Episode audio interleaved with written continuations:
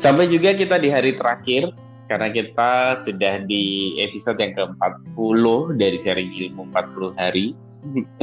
kita Asik. bersyukur ya kita bisa sampai di hari ke-40 ini. Uh, semua pasti juga karena uh, perkenalan Tuhan juga ya. Iya. Uh, bersyukur banget lah intinya kita bisa uh, tetap konsisten gitu uh, di ilmu 40 hari ini. Uh, moga-moga besar harapan kita juga ya. Teman-teman juga merasa terberkati dari apa yang kita obrolin uh, juga mendapatkan manfaat ya apa dari yang kita bahas selama 40 hari ini. Uh, dan setelah ini kita tetap bakalan ada. Cuman serinya bukan 40 hari. Iya, mungkin nanti betul. di bro Abid bakalan ngejelasin ya kita nanti episode berikutnya okay. apa uh, seri berikutnya apa gitu. Nah um, kalau teman-teman nggak tahu nih apa di balik uh, podcast ini selama 40 hari ini kita sendiri juga banyak diproses ya bro ya. Jadi state kita ini teman-teman itu uh, benar-benar rest dan ngalir gitu ya bro.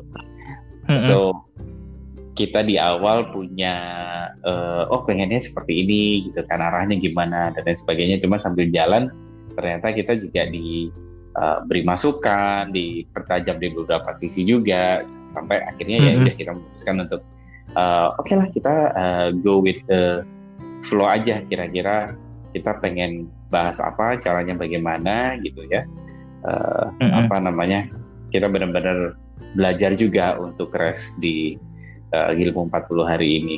Dan di hari terakhir ini kita bahas nge bakal ngebahas satu topik judulnya Unring God gitu ya Bro Abed Betul. Mm -mm.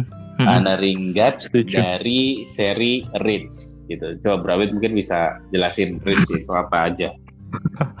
iya, kalau ngomong tentang Rich, saya sendiri jujur eh, nggak uh, tahu dan saya nggak mm -hmm. mencoba untuk hustling dan gimana ya. Itu sebetulnya dapatnya juga mm. uh, atau muncul ya dalam hati gitu kan tentang Rich Rich itu adalah mm -hmm. rest in. Jadi kita harus mau nggak mau selah lah sebetulnya dalam Tuhan. Jangan semuanya serba buru-buru. Kemudian uh, yang Betul. selanjutnya itu kita punya intimacy sama Tuhan, intimacy with God. Yes. Mau nggak mau juga kita nggak mungkin bisa selah kalau kita nggak intim hubungannya dengan Tuhan. Nah kalau teman-teman kemarin yes. belum dengerin, dengerin deh yang kemarin tentang clarity yang dari Tuhan itu seperti apa. Hmm.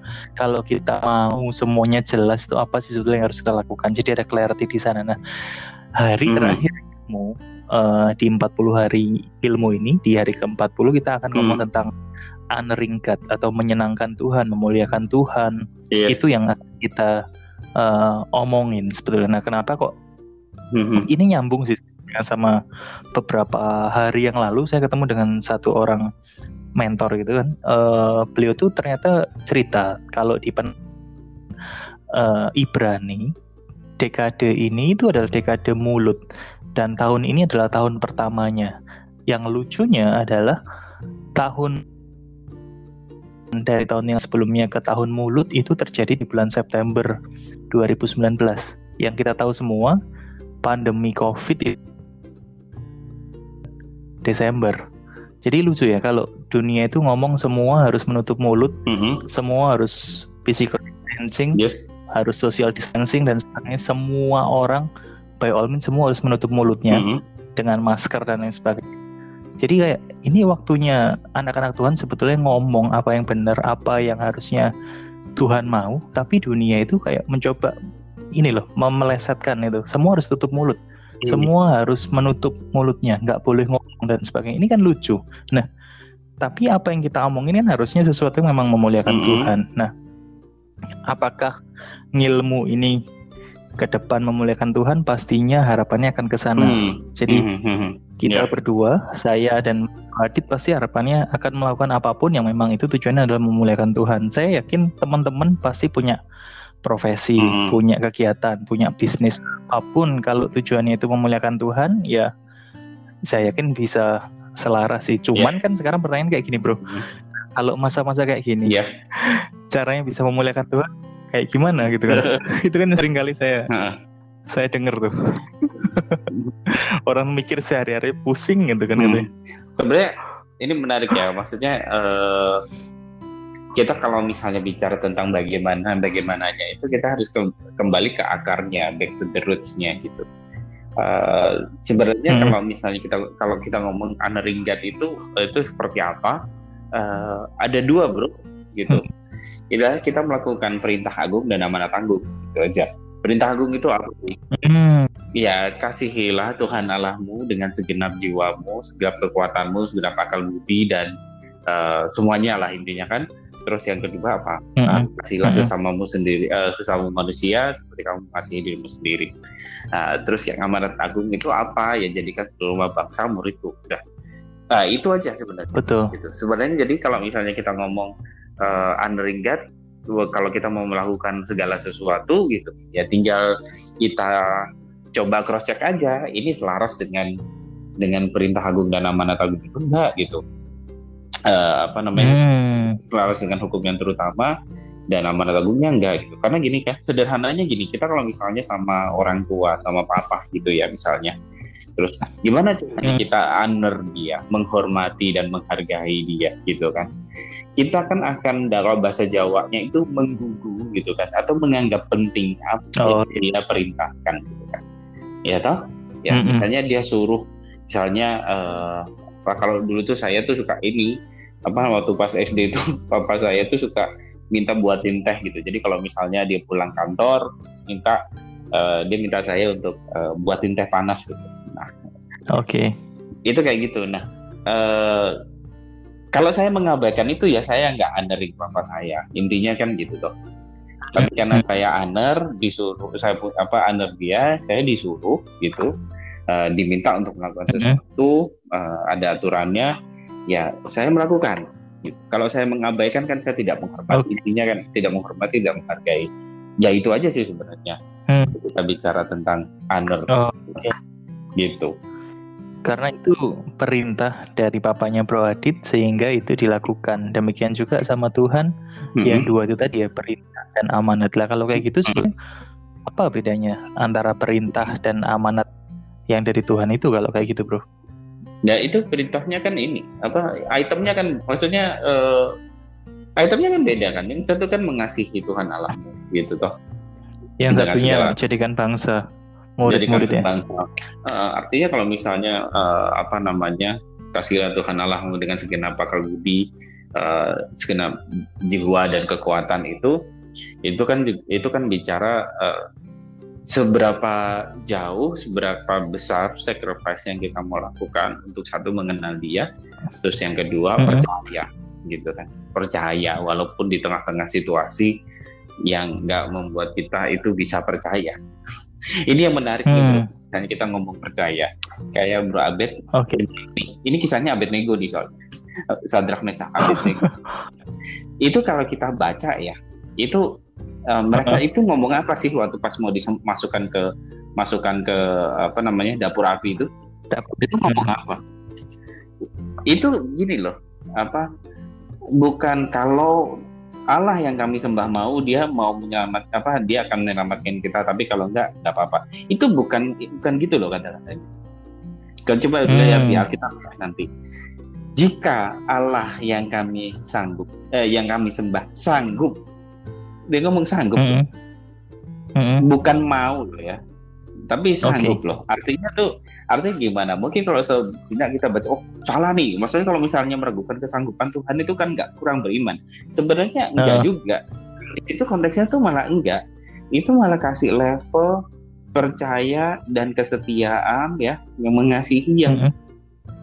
gila banget sih menurut saya kalau dari saat Mesa Abednego itu uh, eh, SMA ya SMA ya kita singkatnya. Terus uh, itu banget tuh. Maksudnya dia bilang kayak gini. Uh, intinya tuh seperti ini. Ya kalau dia nggak sanggup pun saya nggak apa-apa. Saya tetap mengasihi Tuhan. Saya percaya sama Tuhan. Hmm, hmm. Itu make a difference, make a lot of difference gitu. Nah, betul, padahal betul. Kan, ini mereka tahu Tuhan itu pasti sanggup gitu. Tapi hmm. se ekstrim itu pernyataannya mereka bukan yang nggak tahu ya kalau Tuhan itu sanggup mereka tahu Tuhan itu sanggup tapi se ekstrim itu kesetiaan dia uh, dihadapkan sama Nebukadnezar waktu itu. Ya. Mm -hmm. uh, pasti saya ngebayangin ya nggak mungkin nggak ditulis di Alkitab ya tapi waktu pas mereka masuk itu pasti diolok-olokkan. Iya. oh ya coba kalau misalnya Tuhanmu hebat gitu kan apa kamu bisa kamu diselamatkan ini gitu-gitu kan? Itu Mm-mm. kita juga sering dengar-dengar uh, cerita-cerita demikian kan? Betul. Ternyata Tuhan kamu hebat. Kalau hebat mana? Coba Mm-mm, selamatkan kamu. Itu ada satu statement statement yang paling ekstrim sih menurut saya. Kalau dia nggak dia dia sanggup apa kalau dia nggak sanggup nggak apa-apa. Saya tetap ikut Tuhan gitu. Mm-mm. itu kan pernyataan ya. It- itu Betul. yang apa namanya yang yang pertama kalau mengasihi Tuhan Tuhan Allah kita ya pastinya seperti Mhm. itu. Terus Iya yang kedua perin- hukum yang kedua hukum terutama yang kedua kasihilah sesama seperti mengasihi kita sendiri kalau itu kan ya cukup jelas gitu. Eh, cuman berarti awalnya kita harus tahu bagaimana cara kita mengasihi kita. Mm-mm. diri sendiri. Kan seperti itu toh kan? Betul. Kalau mengasihi orang lain seperti mengasihi kita berarti kan kita harus mengasihi siapa dulu? Diri mengasihi sendiri. diri sendiri. Mm-mm. nah kayak gitu. Nah ini tuh nanti penjelasannya panjang ya gitu. Mengasihi diri sendiri gimana? Eh mengasihi diri sendiri itu juga mengerti tentang kebenaran gitu. Bukan bukan berarti asal enak semaunya sendiri gitu kan aku maunya sendiri kok yang lain juga boleh gitu jangan kayak gitu juga gitu. Lain lagi. Kalau yang terakhir uh, jadikan semua bangsa muridku, ya itu juga udah cukup jelas gitu kan. Ya Mm. berarti kita harus melakukan pengabaran Injil, itu memperkenalkan Tuhan Yesus ke ke orang-orang yang belum kenal, gitu kan. Hmm. Uh, apa namanya? Uh, tapi gini kan itu menjadikan bang semua bangsa muridku. Mm-mm. Nah kalau murid it- murid itu kan nggak cuma tahu bro sebenarnya oke mungkin kita itu kebayangnya murid itu bukan student tapi murid itu disciples gitu, yang di Mm, yang mm. dimaksud itu kalau student kayak mungkin kita mikirnya kayak di sekolah kita cuma belajar kita tahu tapi kita belum tentu melakukannya belum tentu kita mengenal. Tapi kalau disciples itu ya kayak rasul-rasulnya Tuhan Yesus. Mengikuti teladannya. Pola pikirnya juga jadi sama paradigmanya juga jadi sama. Kayak kita nonton film kungfu lah. Iya iya. Ya kan? Itu murid sama gurunya itu kan gurunya bukan eh muridnya kan bukan hanya mempelajari jurus tapi mempelajari teladan hidup. Mm-mm. kedisiplinan yang gimana cara apa value-value-nya apa ya itu? Mm-mm, mm-mm, mm-mm. ya berarti setuju. caranya gimana kita mengabarkan? Pasti akan menjadi tidak relevan ketika kita mengabarkan atau kita mau, mau nyuruh orang lain gitu ya jadi murid Kristus tapi kita juga belum jadi murid Kristus itu kan nggak jadinya nggak relevan. Gitu. Saya nangkep satu hal sih ketika Bro Adi tadi ngomong tentang si Sadra Meshach Abednego. Berarti memuliakan Tuhan itu nggak harus dalam artian nggak harus nih. Kadang-kadang kan kita mikir oh aku harus melakukan apa? Mm-mm. saya harus berbuat apa? Saya harus kasih apa? Dan sebagainya. Ternyata tiga orang ini dengan tidak Hmm. mengkompromikan imannya itu juga sudah memuliakan Tuhan ya. Kan nggak nggak harus bingung persembahan apa dan lain sebagainya. Tapi ketika dihadapkan dengan kondisi-kondisi sulit kayak gitu itu mereka tetap berpegang imannya itu ya memuliakan Tuhan juga. Kalau saya boleh mengutip satu quote uh, salah satu almarhum pendeta itu kan uh, pendeta Bigman Mm-mm. itu benar banget omongan beliau. Beliau kan Mm-mm. ngomong kan iman yang besar itu bisa memindahkan gunung tapi iman yang benar itu tetap percaya meskipun gunungnya nggak pindah. Beliau sempat ngomong kayak gitu waktu itu. Itu ngena banget sih memang itu Mm-mm. memuliakan Tuhan kadang-kadang memang uh, mungkin takarannya nggak nggak nggak selalu secara finansial atau yang tangible kali ya atau yang kelihatan gitu bro ya berarti sesuatu Hmm. yang nggak tampak di dalam hati kita itu itu juga bisa dibilang memuliakan Tuhan dong kalau kayak gitu ya Mhm. Iya, eh, apa kita tuh dituntut bukan hanya hanya mulut ya, maksudnya hanya pernyataan atau hanya eh, bahkan hanya tindakan juga bisa, Hmm, hmm, dan sebaliknya nggak bisa dengan hati juga gitu. Kalau beberapa kali saya saya singgung itu yang pernyataan ada orang ngomongin Tuhan tahu hatiku itu, hmm. oke. Halo. Putus. Suaranya nggak hilang. Nggak nggak nggak kedengaran sama saya Bro Adit halo kayak kedengeran nah ini sekarang saya dengar suaranya halo kayaknya berarti sedang membicarakan sesuatu yang nggak boleh banyak orang dengar. Nah ini mungkin spoiler ya bro ya buat buat teman-teman itu kan. Ini kita ini full Eh, full of full of apa ya filter sebetulnya. Jadi kalau teman-teman barusan nggak mendengarkan salah satu omongan dari kita, mungkin itu ada filter-filter yang nggak boleh diomongin kali.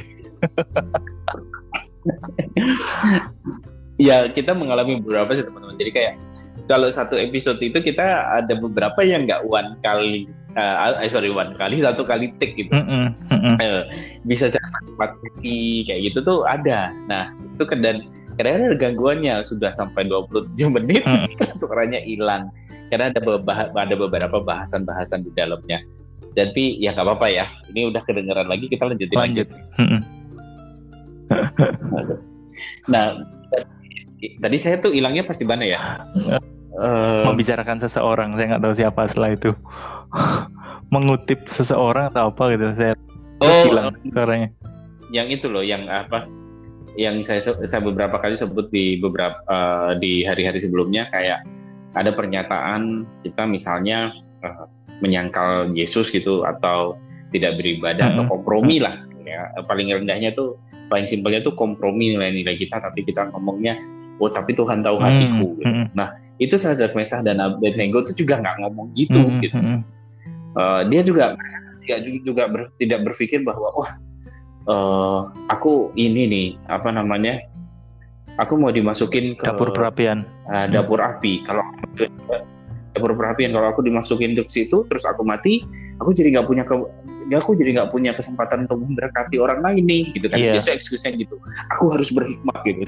Terus misalnya oh Tuhan bilang eh, cerdik seperti ular tulus seperti merpati. Oke aku pura-pura nggak itu pura-pura menyangkal. Gitu. Aku kompromi ini deh. Tapi Tuhan tahu hatiku hatiku han- hanya percaya Tuhan. Kan nggak Iya. gitu. Mereka kan nggak ngomong gitu. Heeh.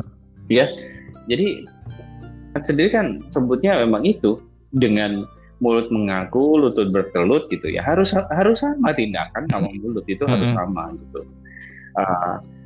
Dan dan dan sebaliknya gitu kita juga nggak bisa mulut kita ngomong eh, gitu ya apa namanya hatinya ngomong iya mulutnya ngomong enggak atau mulutnya ngomong iya hatinya ngomong enggak itu Hmm. juga nggak bisa makanya kayak makanya kalau misalnya jadi pengikut Kristus itu nggak cukup saya cuman cuman ngomong gitu ya aku percayalah Allah Ba- aku percaya Allah Bapa itu Tuhan satu-satunya dan Tuhan Yesus adalah juru selamat yang sejati. Nggak nggak.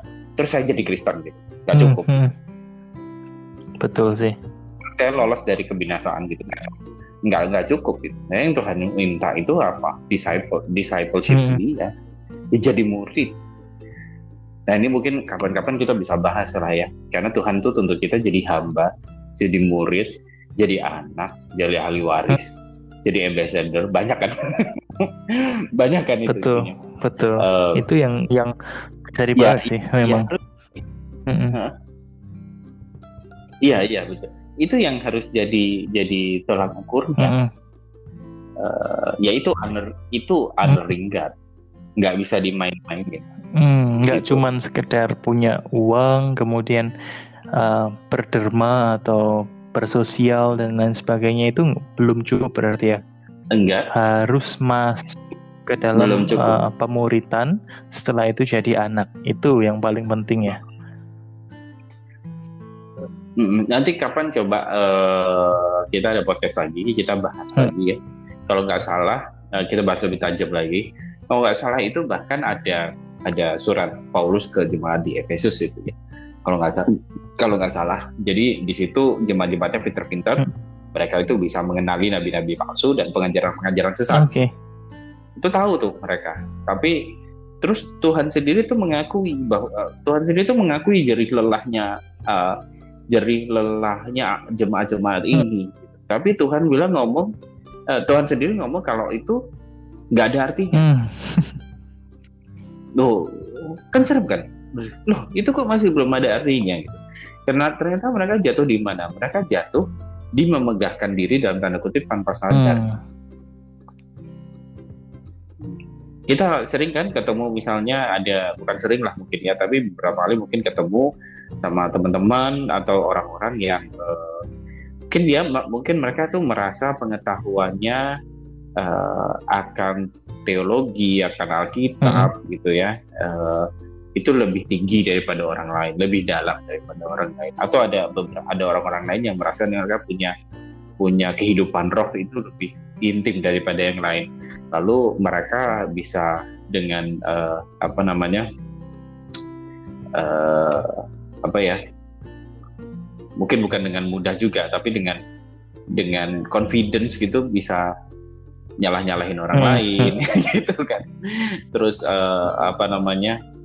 Uh, ya gitulah nuduh-nuduh orang lain, mendakwa orang lain, oh ini salah ini apa dan segala macam. Nah itu itu menjadi reminder sih waktu pas saya baca itu loh gila ya ternyata ikut Tuhan Yesus itu uh, gak gampang bener yang namanya sangkal diri itu bener-bener iya, selfless betul. kayak Tuhan Yesus gak gampang memang karena balik lagi ke topik atau tema kita ngomong tentang memuliakan Tuhan ya memang fokusnya ke Tuhan itu yang paling paling serem, paling sulit, paling nggak gampang memang dilakukan. Saya sendiri kalau boleh di ya kalau uh, saya mau sharing sedikit itu ya kayak sendiri pernah mengalami di tahun-tahun dalam kehidupan saya uh, punya punya satu mm-hmm. spirit yang salah itu. Kalau teman-teman mungkin ada yang tahu, mm-hmm. yaitu yang namanya open spirit atau mm-hmm. atau roh yatim piatu. Jadi saya pernah terjebak mm-hmm. atau uh, apa ya namanya ya? bukan terjebak yang gimana tapi kayak fokusnya itu uang uang uang dan uang nah pernah juga fokusnya mm -hmm. itu performance jadi kan kalau kita tahu anak yatim piatu di mm-hmm. panti asuhan mungkin mereka berlomba-lomba ketika ada orang tua calon orang tua yang akan mengadopsi siapa pun dari mereka mereka kan berlomba-lomba.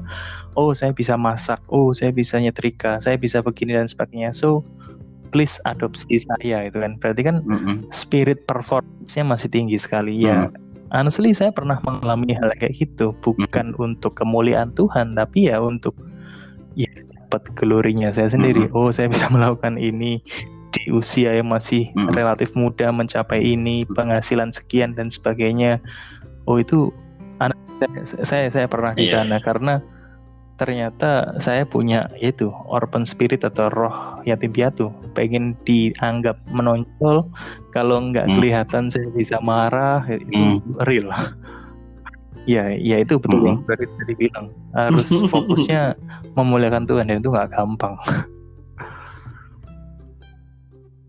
Iya iya iya iya.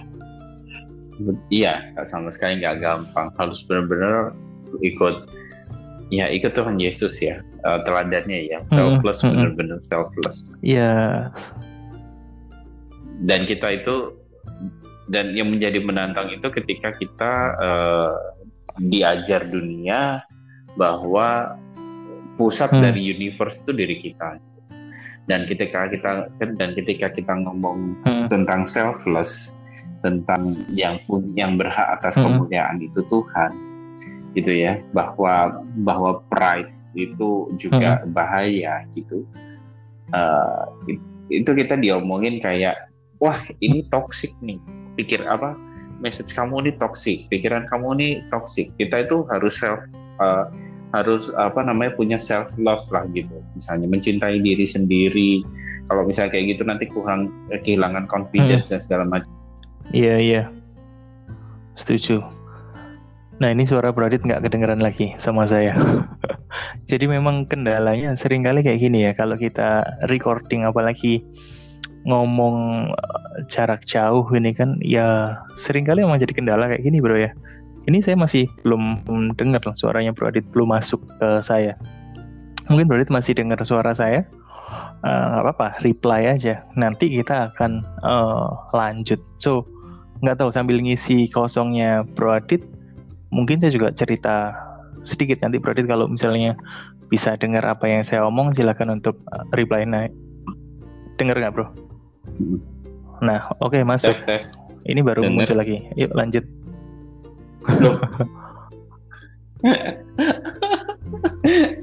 Kalau saya sih ya? dengarnya ya itu. Kalau kita fokusnya di bukan ya? selfless tapi harusnya self love nah. mencintai. Nah. no bukan gini apa namanya? Ketika kita ngomong selfless itu terus uh, dunia bilang kayak oh nggak boleh. Itu itu toxic gitu mereka berpikirnya ya bahwa uh, kalau kalau kita itu bergantung sama Tuhan itu kayak kita tuh dianggapnya eh, nggak uh, menghargai diri sendiri terus dianggap lemah seperti itu ya. Jadi nilai-nilai ini malah di dipelintir jadi uh, salah hmm. jadi toxic gitu. Nah padahal padahal yang benar kalau kita itu self kita kita itu ketika kita selfless dan dan uh, honoring God gitu ya, mengikuti apa yang Tuhan mau dalam kehidupan kita, itu sebenarnya kita malah lagi praktis self love. Tuhan sendiri ngajarin kan malahan ya kasihilah samamu seperti kamu mengasihi dirimu sendiri. Artinya kita juga disuruh yeah. mengasihi diri kita sendiri. Nah, jadi siapa yang bilang kalau misalnya kita itu uh, menundukkan diri di bawah otoritas Tuhan itu malah kita uh, kayak uh, dikerdilkan lah, kita nggak kita apa namanya uh, malah dibilang kayak nggak punya percaya diri dan lain sebagainya. Mm -hmm. itu juga mm -hmm. itu salah itu salah. Malah di dalam di dalam kelemahan kita kekuatan mm -hmm. Tuhan itu nyata gitu. Yang kita nggak boleh itu sebenarnya apa? Yang kita tidak boleh itu kita memegahkan diri sendiri memuliakan diri sendiri. Enggak tetapi kalau eh, itu yang nggak boleh tapi kalau kita misalnya bersyukur mengekspresikan talenta yang Tuhan kasih hmm. gitu kan itu dan uh, rasa syukur itu dengan cara apa kita boleh bangga dengan kompetensi yang Tuhan kasih tapi kembali lagi kemuliaannya hmm. untuk siapa untuk kita apa tuh untuk Tuhan nah itu hmm. juga ada hmm. ringkat ya itu sama seperti gini loh sama seperti kayak ada anak nih ada anak hmm. KBG dikasih mobil okay. sama orang tuanya ya orang tuanya orang tuanya ini dikenal humble di masyarakat biasa aja dan segala macam ya orangnya juga nggak padahal kaya raya tapi baik hmm. hati gitu ya dermawan misalnya jadi jadi berkatlah karakternya juga di di uh, kagumi banyak orang gitu. terus dia kasih mobil ke anaknya tapi anaknya yang pamer mobil ke sana sini nyetir ugal-ugalan hmm. terus sombong kayak jadi angkuh gaya oh ya gue punya mobil nah kalau kita nggak analikan hmm. itu seperti itu. Orang talenta sama kompetensi kita itu cuma iya, cuma kok dapatnya dari Tuhan gitu kan? Itu anugerah perkenanan Tuhan yang memutuskan itu ngasih ke kita bukan ke orang lain. Eh kok kita uh, eh, serta merta nggak ikutan beli nggak ikutan susah nyicil -huh. tapi kita ini apa namanya uh, malah pamer-pamer malah sok-sokan ya kan seolah-olah ini mobil saya bukan mobil papa saya nah itu yang salah. Tetapi bagian kita sebenarnya apa kalau kita dikasih kepercayaan, katakanlah seperti mobil tadi, kalau kita kasih kepercayaan itu ya satu, gimana mobil itu bisa jadi berkat buat orang banyak? Apakah kamu mengantar orang untuk beribadah, nolongin teman kamu yang kesusahan nggak bisa pulang, terus apakah mobil itu dirawat, gitu ya, dicuci secara rutin gitu. Nah, itu honoring okay. menurut saya. Itu honoring Apakah kamu punya mobil mahal tapi nyetirnya ugal-ugalan dengan punya mobil ma hmm, mahal hmm, tapi hmm. taat lalu lintas itu kan tidak. Yeah. Nah, honoring, oh, honoring okay. itu, itu masuk itu, sih dan saya gampang banget sih analogi kayak gitu. Setuju saya. Saya sering kali merasa ya, hmm. saya nggak mau ngomongin orang lain. Saya sendiri ngerasa dulu pernah di posisi yang kayak gitu hmm. soalnya kompetensi saya saya yang belajar susah-susah saya hmm. bisa pintar karena usaha saya dan lain sebagainya pikirannya seperti itu padahal saya lupa kalau itu dikasih semua sama Tuhan ya memang akhirnya hmm. masuk ke satu dosa yang itu hmm. memegahkan diri sendiri yang tadi Bro Adit bilang ya saya pernah mengalami itu dan sekarang hmm. pun masih belajar sebetulnya jadi bukan yang sudah lulus itu enggak saya masih belajar kok nah Iya, sama sama. Saya itu sebenarnya juga istilahnya hmm. kalau kita ini lagi ngobrol bro gitu. Uh, ini kan sebenarnya kita ngobrol juga tentang pergumulan-pergumulan kita ya. Mungkin tidak tidak secara hmm. bluntly uh, gimana gitu. Beberapa kali sih memang sharing. Cuman sambil kita tuh ngobrol uh, saya tuh ngerasa kayak ini sendiri juga banyak menampar diri saya gitu. Diingatkan lagi oke okay, oke. Okay. nah sekarang tadi yang berarti sempat uh, mention itu kan ke tentang what next after ngilmu 40 hari gitu kan waktu itu yeah. Ya. uh, saya sempat uh. dapat impresi yang mungkin memang orang pertama kali ngerasa ngilmu itu apa sih itu ngilmu itu sendiri kan satu fase hmm. kalau saya boleh bilang kalau secara harafiah ya satu fase kita mencari ilmu langsung sama hmm. sumbernya sekali lagi sumbernya itu bukan kita berdua atau siapa pun nanti narasumber hmm. yang akan kita ajak ngobrol sumbernya itu tentu Tuhan kita mm -hmm. jadi salurannya udah gitu aja mm -hmm. sesimpel itu gitu kan nah yeah. apa yang kita mau omongin itu kan yes. kan selama uh uh, di dalam ilmu tentunya kita berharap kita ini jadi satu movement itu kan movement untuk apa ya ini dunia yang cukup menarik gitu ya dalam artian saat-saat seperti ini kan sebetulnya dunia ini mau di reset gitu kan ya kita mencoba menjadi orang-orang yang ya hmm. willing hmm. untuk di reset juga oleh Tuhan pertama kali itu kan kemudian kita mencoba sharing hmm.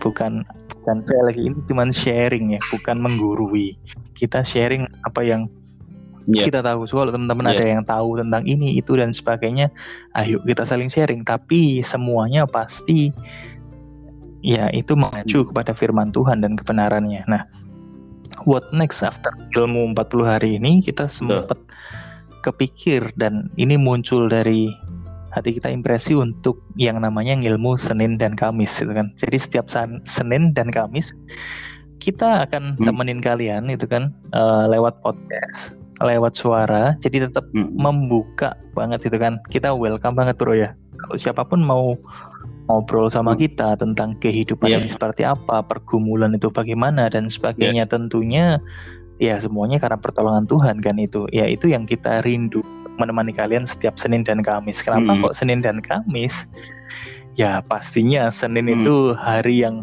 berat kata dunia kan banyak yang bilang I hate Monday, I hate Monday gitu kan.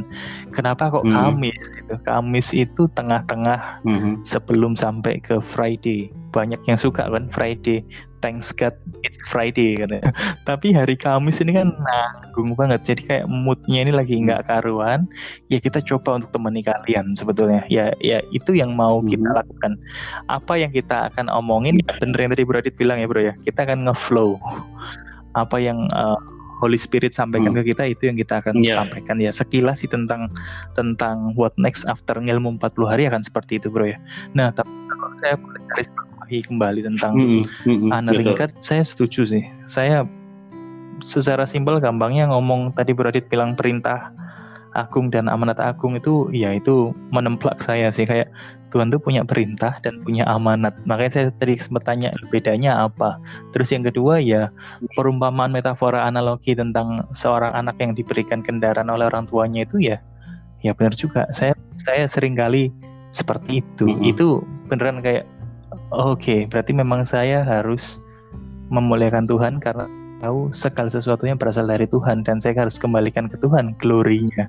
Ya, ya mungkin itu yang saya tangkap di ilmu uh, hari ke-40 tentang unringkat. So, akhirnya kayak saya punya grounding sih. Saya ingat lagi kayak apa pun yang saya lakukan ini harus untuk Tuhan karena semuanya dari Tuhan. Kayak tadi bilang, loh saya dikasih mobil, saya nggak bayar, saya nggak nyicil, ya udah ini kan berarti untuk bantu orang lain nganterin dan lain sebagainya saya hmm. harus punya basic atau groundingnya itu sih ya itu yang. Di, di malam ini gitu kan Brodit mungkin hmm. ada yang mau ditambahkan sebelum kita tutup sesi ilmu kita selama 40 hari ini dan kita akan masuk ke sesi yang selanjutnya ya uh, jadi kalau udah kalau kita -hmm. jadi anak yang tadi dikasih mobil -hmm. dirawat -hmm. dipelihara -hmm jadikan itu berkat gitu ya uh, karena hmm, hmm. papa kita ini kaya banget gitu dan karakternya baik sekali dan dia punya uh, kebebasan itu untuk beliin oh, anak tetangga okay. mobil juga ya jadi jangan salah jangan sampai kita itu juga malah ada anak-anak lain yang memberikan uh, apa namanya yang bisa honor uh, God gitu menghormati dan uh, respect papanya tapi iya sih iya benar sendiri malah saya. enggak iya itu itu, itu aja. itu setuju saya. Saya sering kali juga mikir itu soalnya bro kayak ya siapa kita ya berarti yang ngatur Tuhan mau memberkati siapa dan pada akhirnya mereka bisa jauh lebih kelihatan lah dalam artian kelihatan secara dunia tapi saya yakin kelihatan secara dunia itu memang Tuhan ya kasih hmm. favor juga ke mereka gitu kan mobilnya ini dipakai dengan benar kompetensinya dipakai dengan benar talentanya hmm. dipakai dengan benar akhirnya ya Tuhan juga pasti kasih si favor ya oke okay. oke okay, itu itu itu nangkep banget sih saya itu kayak emang bukan masuk akal okay. lagi itu masuk akar kalau buat saya Oke, okay, ya itu mungkin closing yang harusnya Iya, mungkin saya harapnya teman-teman semua juga nangkep apa yang kita omongin, nggak cuma saya. Jadi apa yang kita omongin, sharing ini jadi berkat gitu bro ya. Mm -mm. Uh, oh, Ya, itu amin. ini adalah uh, malam terakhir kita untuk sesi ilmu 40 hari. So, kita akan ketemu lagi di sesi selanjutnya ke season selanjutnya lagi. Nggak nggak usah khawatir, kita nggak selesai sampai sini sesuai yang tadi kita uh, kasih tahu. Thank you banget untuk Pro Adit yang selama 40 hari ini uh, ngobrol bareng sama saya. Sempat waktu itu juga uh,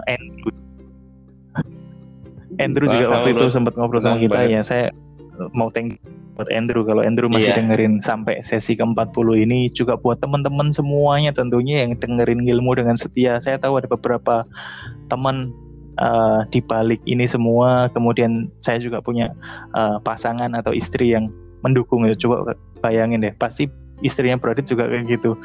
Malam kita ngobrol gini kan mending harusnya waktunya uh, ngobrol sama pasangan tapi kita meluangkan waktu gitu kan untuk kita bisa saling sharing. Ya saya honestly ngomong terima kasih sama istri saya dan istrinya Pradi tentunya karena sudah memperbolehkan. Yeah. ya itu sih yang dari saya. Mungkin mungkin itu tuh teman-teman kita akan ketemu lagi di uh, sesi ilmu Senin dan Kamis. Tepat kapan kita akan uh, kasih tahu gitu kan pasti dalam waktu dekat kita akan ngomong itu dan kita akan launching so thank you Pradit God bless you always uh, God bless your family. Ya, Thank God bless juga buat teman-teman semuanya udah dengerin. Kita ketemu lagi di ngilmu sesi yang selanjutnya. So, see you and bye.